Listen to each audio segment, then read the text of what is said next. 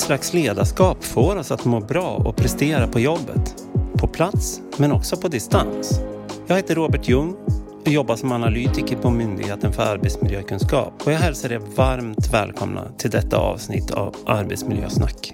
Där vi samtalar med författarna till våran sammanställning Ledarskapets betydelse för välbefinnande och prestation.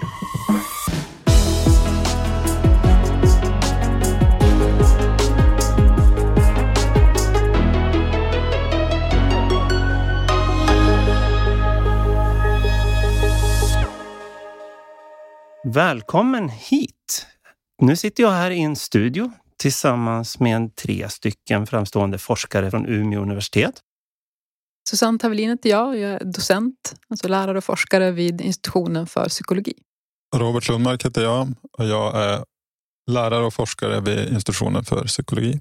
Andreas Stenling heter jag. Jag är docent i psykologi så jag forskar och undervisar vid institutionen för psykologi vid Umeå universitet. Idag ska vi prata om konstruktivt ledarskap. Vad är det egentligen? Ja, men det är ett samlingsnamn på olika typer av ledarbeteenden som man tänker sig har en positiv inverkan på personalen. Och här brukar man skilja på tre olika typer eh, av konstruktiva ledarbeteenden. Relationsinriktade är det första, att man stöttar personalen, lyssnar, finns där och så vidare. Det andra är uppgiftsinriktade beteenden som handlar mer om att fördela arbetsuppgifter, sätta deadlines och följa upp dem. Och det tredje är förändringsinriktade beteenden som handlar om att måla ut en riktning för en förändring, kanske med hjälp av exempelvis visioner. Och sen finns det då olika underteorier eh, som delar in de här i olika mer konkreta ledarbeteenden. Spännande.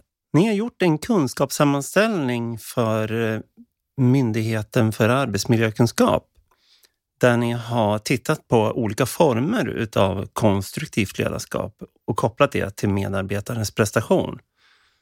Kan du säga lite om, någonting om vad ni kom fram till?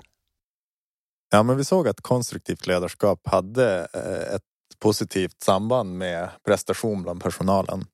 Och till exempel så kunde vi se att, att konstruktivt ledarskap hängde ihop med både prestationsutfall på individnivå, alltså att personalens arbetsinsats blev bättre, att kvaliteten i prestation blev bättre, men också att eh, prestationen på organisationsnivå blev bättre. Så att det kan ju till exempel handla om vinst i ett företag eller den typen av prestationsutfall på organisationsnivå. Så generellt så såg vi positiva effekter på prestation på olika nivåer i organisationer. Intressant. Var det någonting annat som ni kom fram till rörande ledarskap och prestation? Ja, men en sak som eh, vi såg var ju att det framförallt var det som kallas för transformerande beteenden eh, som ökade personalens prestation. Transformerande beteenden? Vad menas med det? Ja, eh, men det är en form av visionsstyrt ledarskap kanske man kan säga. Där man som chef motiverar personalen med hjälp av visioner. Man pekar på problemen med nuläget och målar upp liksom en tilltalande framtidsbild om vart man vill. Samtidigt som man även jobbar med delaktighet, involverar personalen och visa omtanke. Så det är en blandning av vision men samtidigt omtanke och involvering.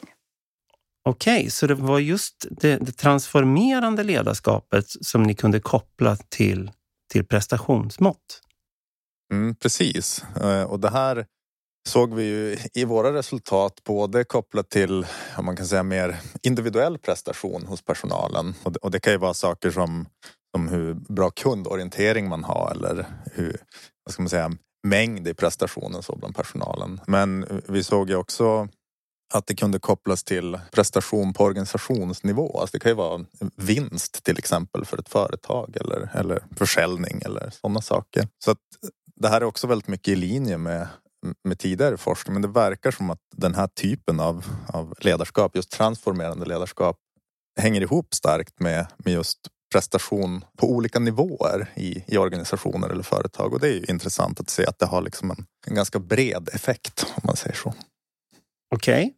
så om jag vill öka personalens prestation som chef så ska jag alltså öka mina transformerande beteenden. Är det så jag ska förstå era resultat? Mm. Hur gör man för att vara en transformerande chef? Har ni några tips och tricks? Absolut. En grundsten är ju att jobba just med mål och visioner eh, så att man får med sig personalen. För det har man sett att om de känner mål och mening med en vision så kommer de anstränga sig, inte för att de måste utan för att de själva vill. Så för att liksom nå personalens inre motivation eh, så behöver man jobba just med de här visionerna som gör att arbetet känns eh, meningsfullt. En annan sak som är viktigt det är ju att vara en förebild. Att försöka vara någon som personalen ser upp till. Någon som liksom lever som, som den lär. Eh, och att, att man inte bara snackar utan att man också tar det här snacket till handling. Så att det är en annan viktig aspekt i att vara transformerande som chef. Sen behöver man inte liksom ro båten helt och hållet själv mot den här visionen utan det är viktigt att ta hjälp av personalen, involvera dem. Och hur, försöka få dem att fundera hur kan jag i mitt dagliga arbete närma mig eh, den här visionen? Eh, så att involvera personalen och jobba med delaktighet är också viktigt så man inte bara driver visionen själv. Och en viktig del i det är ju att, att som chef kunna lyssna på personalen. Ehm, att försöka liksom fånga upp hur har de det, hur tänker de, har de idéer som, som vi ska lyfta? Ehm, liksom visa att man, man lyssnar på dem och, och ser dem. Så att man visar omtanke. Ja, det låter ju inte helt omöjligt att, eh, att genomföra. Då, då, då kanske det bara sätta igång då som chef och vara lite mer transformerande. Ja och nej. Alltså att, att vara transformerande, det är ju relaterat till väldigt många positiva saker. Det, det ser vi i vår rapport och det har vi sett i tidigare forskning. Och eh, det finns mycket som tyder på att det är något som de allra flesta kan träna på. Så att de flesta chefer verkar kunna ta till sig de här beteendena och faktiskt öka sin mängd transformerande beteenden. Men det är inte någonting som bara kommer av sig själv utan det krävs också att man har goda förutsättningar och att man har en bra arbetssituation. Så att man faktiskt har stöd runt omkring sig och, eh, och så, så att man faktiskt kan vara transformerande. För det kan vara lite krävande att agera på ett konstruktivt sätt. Det, det, kräver att man har stöttning och att man har resurser runt omkring sig också. Så att eh, ja, det är positivt men det är också viktigt med en bra arbetssituation och goda förutsättningar. Precis, det här såg jag också i min avhandling eh, där jag intervjuade chefer under sitt första år som chef i socialtjänsten. Och där såg jag att många chefer strävar ju efter den här typen av coachande och målstyrda eh, ledarskap. Men på grund av bristande förutsättningar. Det kunde vara att man hade jättestora arbetsgrupper, hög arbetsbelastning, inte så jättemycket inflytande eh, och väldigt mycket administration i ledarrollen. Så blev det inget transformerande ledarskap utan blev väldigt passivt och man fick släcka bränder i efterhand. Så det gäller verkligen att om man som organisation vill ha transformerande chefer, att man ger dem goda förutsättningar så att man har möjlighet eh, att faktiskt vara det också. Ni undersökte även hur ledare påverkar medarbetarnas hälsa. Vad, vad kom ni fram till där? Ja, men där såg vi ungefär samma sak som för prestation. Att det var det här transformerande ledarskapet eh, som var verksamt. Och att i de studier som ingick i rapporten så hade man sett positiva samband då, med till exempel arbetsglädje, engagemang eh, men också arbetsförmåga och, och hälsa generellt. Aha, vad, vad, vad, menar man när man säger att man ser ett positivt samband? Jag tänker mig in i att det inte, det, jag är inte helt säker på att alla vet. Ett samband vet man vad det är, men ja, vad är ett positivt samband? Ett positivt samband innebär att när, ja men i det här fallet, ju mer transformerande en chef är, ju högre blir arbetsglädjen hos personalen. Okej. Okay. Så, så då kan man säga att chefen är rätt viktig för hur eh, medarbetarna mår? Ja, precis så. Ehm, och andra studier också visar att chefer har en unik inverkan på hur vi mår utöver den inverkan familjen har, kollegor, eh, våra vänner.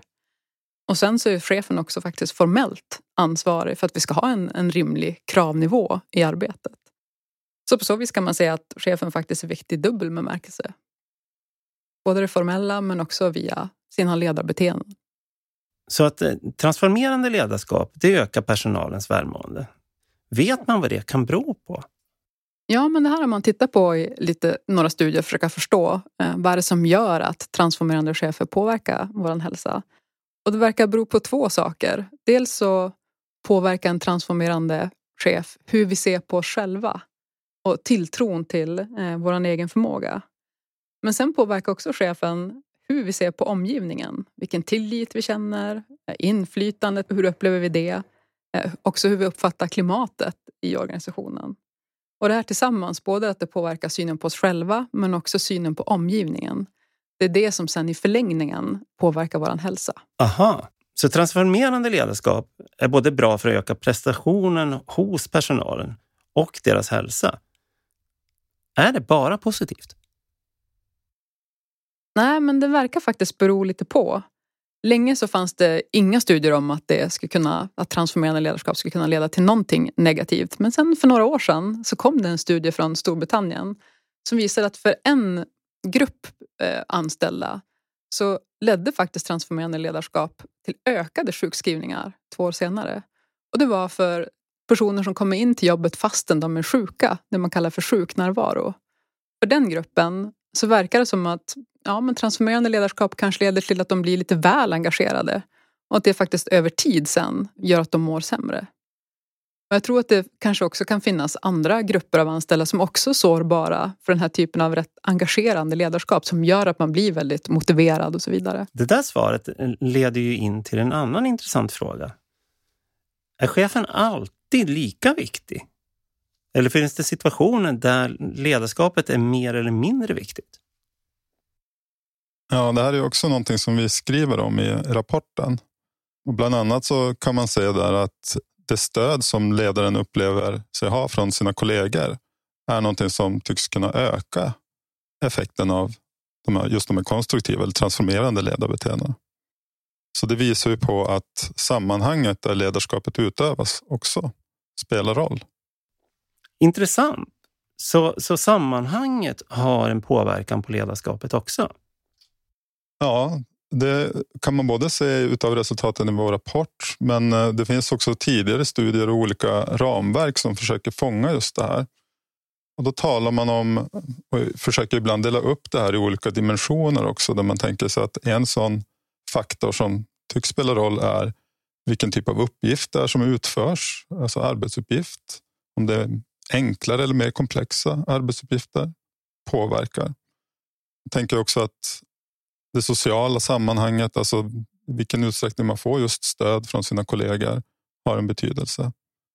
Det kan också handla om tidsaspekter, alltså när i tid ett ledarskap utövas. Och här har vi till exempel det här med covid-pandemin som ett exempel som ställer, kanske, eller skapar särskilda förutsättningar för, för ledarskapet. Det kan också handla om förändringsarbete. Och ibland så pratar man också om att den fysiska, det fysiska sammanhanget spelar in. Och här tror jag Susanne nämnde tidigare just det här med avståndet eller hur många medarbetare man jobbar tillsammans med i, i sin arbetsgrupp. Så det är exempel på sådana faktorer som tycks spela roll för effekten av ledarskapet helt enkelt. Sen kan man väl också säga att det här är ett område som har lyfts upp mycket på senare tid och det är något som vi behöver ta reda på mer om för att fullt förstå när, hur och för vem ledarskapet och vilken typ av ledarskap som spelar roll i vilka sammanhang. Och de här faktorerna kan också förstås som förutsättningar för chefers möjligheter att agera konstruktivt. Och Det är ju något som vi har intresserat oss för i en rad olika projekt som vi jobbar med.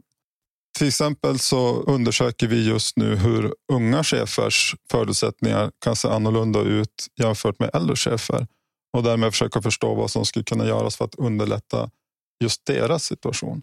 Spännande. Du nämner covid-19 där och det är ju en annan aktuell fråga eh, just i dessa pandemitider och det här med eh, distansarbete. Här vet jag att ni håller på med ett nytt forskningsprojekt som precis är i uppstartsskede. Kan ni berätta lite grann om det? Absolut. Det är ett samarbete tillsammans med två norska kollegor. Marte Bensen vid Norges idrottshögskola och Anja Hagen Olofsson vid universitetet i Sydöstnorge. Där vi ska titta på det här nya flexibla arbetslivet där man ibland jobbar hemma och ibland är på jobbet för att se hur det då påverkar motivation och prestation eh, men även återhämtning och hälsa. Jaha, spännande. Precis, och tanken är ju att undersöka liksom betydelsen av hemarbete eller mer flexibla arbetsförhållanden och, och, hur det hänger ihop med motivation och återhämtning som Susanne nämnde. Och det vi är kanske särskilt intresserade av är ju att försöka förstå olika aspekter av den här flexibiliteten. Det, det pratas ju lite grann om att vi är på väg in i det nya, något, något nytt normalt. Sådär. Att tidigare har eh, arbetssituationen för de allra flesta varit att man har gått på jobbet, jobbat och gått hem. Medan nu så, så har eh, pandemin egentligen kanske skyndat på en utveckling som hade kommit ändå. Men just att vi har fått förutsättningar för mer flexibla eh, arbetsförhållanden. Och då blir det ju intressant att försöka förstå ja, men vad är konsekvenserna då för, för personalen till exempel och deras motivation och hur de mår. Och här finns det ju olika liksom, idéer kring möjliga konsekvenser som att potentiellt en risk att, att det sociala stödet kan minska för att du inte har kontakt på samma sätt med kollegor eller din närmaste chef. Samtidigt så har man också sett att ja, men autonomin eller eh, valfrihet och självbestämmandet har ju som ökat under pandemin just på grund av en ökad flexibilitet. Så det finns nog både positiva och, och negativa saker här som vi gärna vill undersöka mer och försöka förstå hur både hur de har liksom unika effekter på personalen men också kanske hur de samverkar för att försöka förstå hur kan vi optimera de här nya flexibla arbetsförhållandena. Mm. Och där kan vi också titta om, ja, handlar om hur antal timmar hemma, är det det som avgör sen hur det påverkar motivation och så vidare? Eller handlar det mer om kvalitet, att få välja själv? Så är det kvantitet, antalet timmar eller kvalitet att, att kunna påverka själv? Och sen kommer vi också titta på kollegornas roll. Spelar det någon roll om jag är på jobbet samtidigt som mina kollegor och att vi är hemma samtidigt? Eh, eller har det mindre betydelse? Borde man tajma det där på något sätt? Och sen så kommer vi såklart också titta på ledarskapet och rollen som, som ledare har i det här nya flexibla arbetslivet. Så vilket ledarskap verkar ha större eller mindre effekt vid distansarbete till exempel? Hur uppfattas det av, av personalen? och försöka förstå hur chefer på bästa sätt kan stötta medarbetare både på jobbet men också om man jobbar hemma till exempel. Det låter som ett jättespännande projekt tycker jag. Och eh, det ligger ju definitivt i tiden. Men vad vet man redan idag då om just ledarskap på distans? Ja, men alltså förvånansvärt lite eh, skulle jag säga. Vi har försökt sammanfatta den litteratur som finns. Eh, en sak är ju det här med att digital kommunikation har ju väldigt lite visuella ledtrådar Eh, och det gör att det är svårt att läsa av kroppsspråk till exempel, ansiktsuttryck, men också att tolka eh, känslor om man så vill. Och det här tänker man sig kan göra det svårt för chefer att bygga relationer eh, med medarbetare på distans och över digitala medier. Man tänker sig också att det kanske är svårt att inspirera och motivera. Ni vet sådär som den transformerande chefen skulle göra med hjälp av visioner. Just att överföra emotioner, överföra entusiasm och så vidare. Det tänker man sig är svårt och det har man också sett i några få studier. Att just den här överföringen av positiva känslor och entusiasm är svårt eh, digitalt. Så att det här kan vara något som chefer behöver vara medvetna om och kanske försöka vara lite extra tydliga. Finns det någonting mer som är särskilt för, för just ledarskap på distans? Ja, alltså det man har sett i några studier är att en utmaning kan vara att liksom följa upp medarbetarna eller monitorera brukar man prata om när man har personal som jobbar på distans. Då. Så det kan vara rent ut sagt svårt för chefen att veta om personalen faktiskt gör sitt jobb eller inte. Och det där kan ju ställa till det lite för en chef som gärna vill ha kontroll.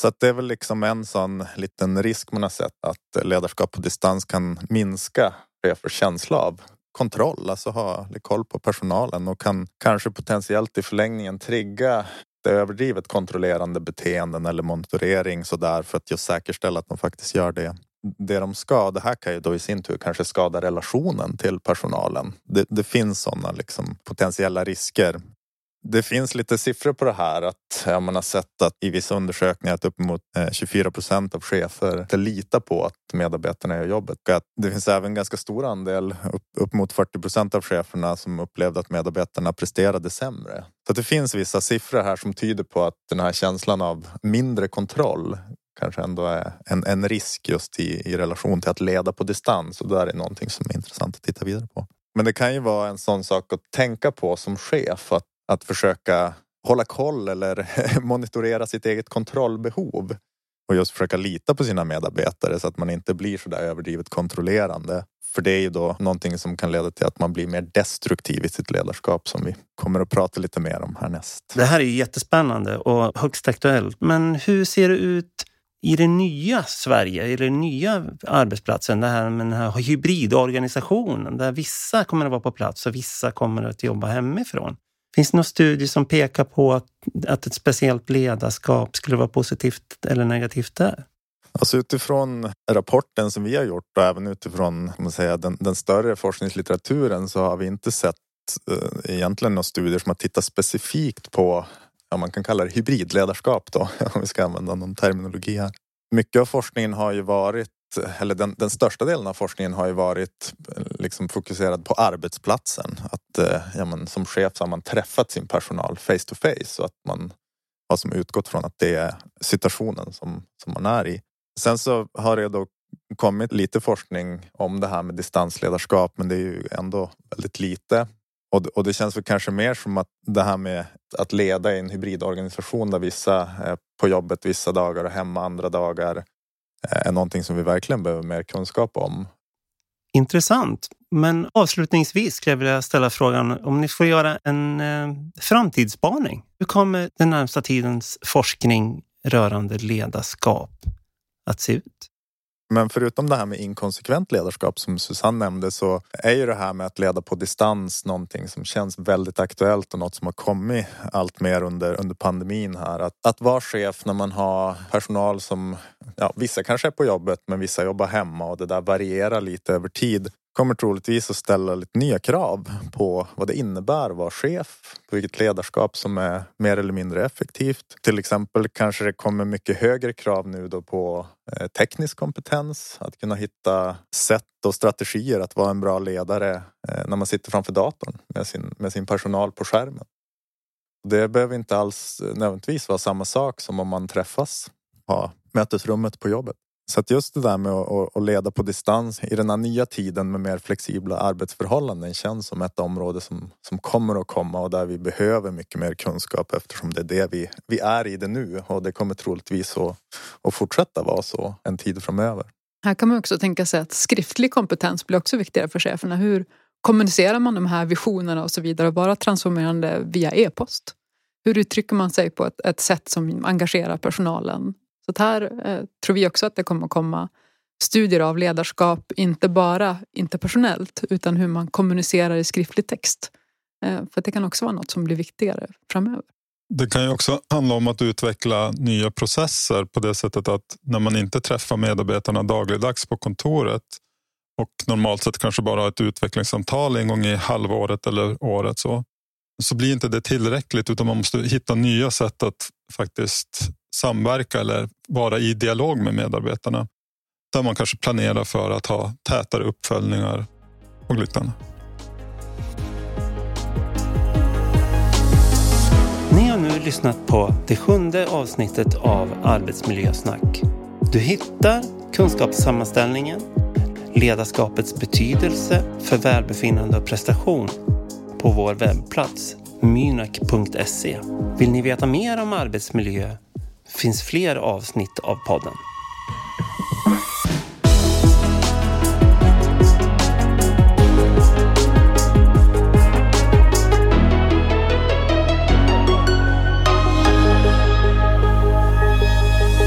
Tack för att du har lyssnat.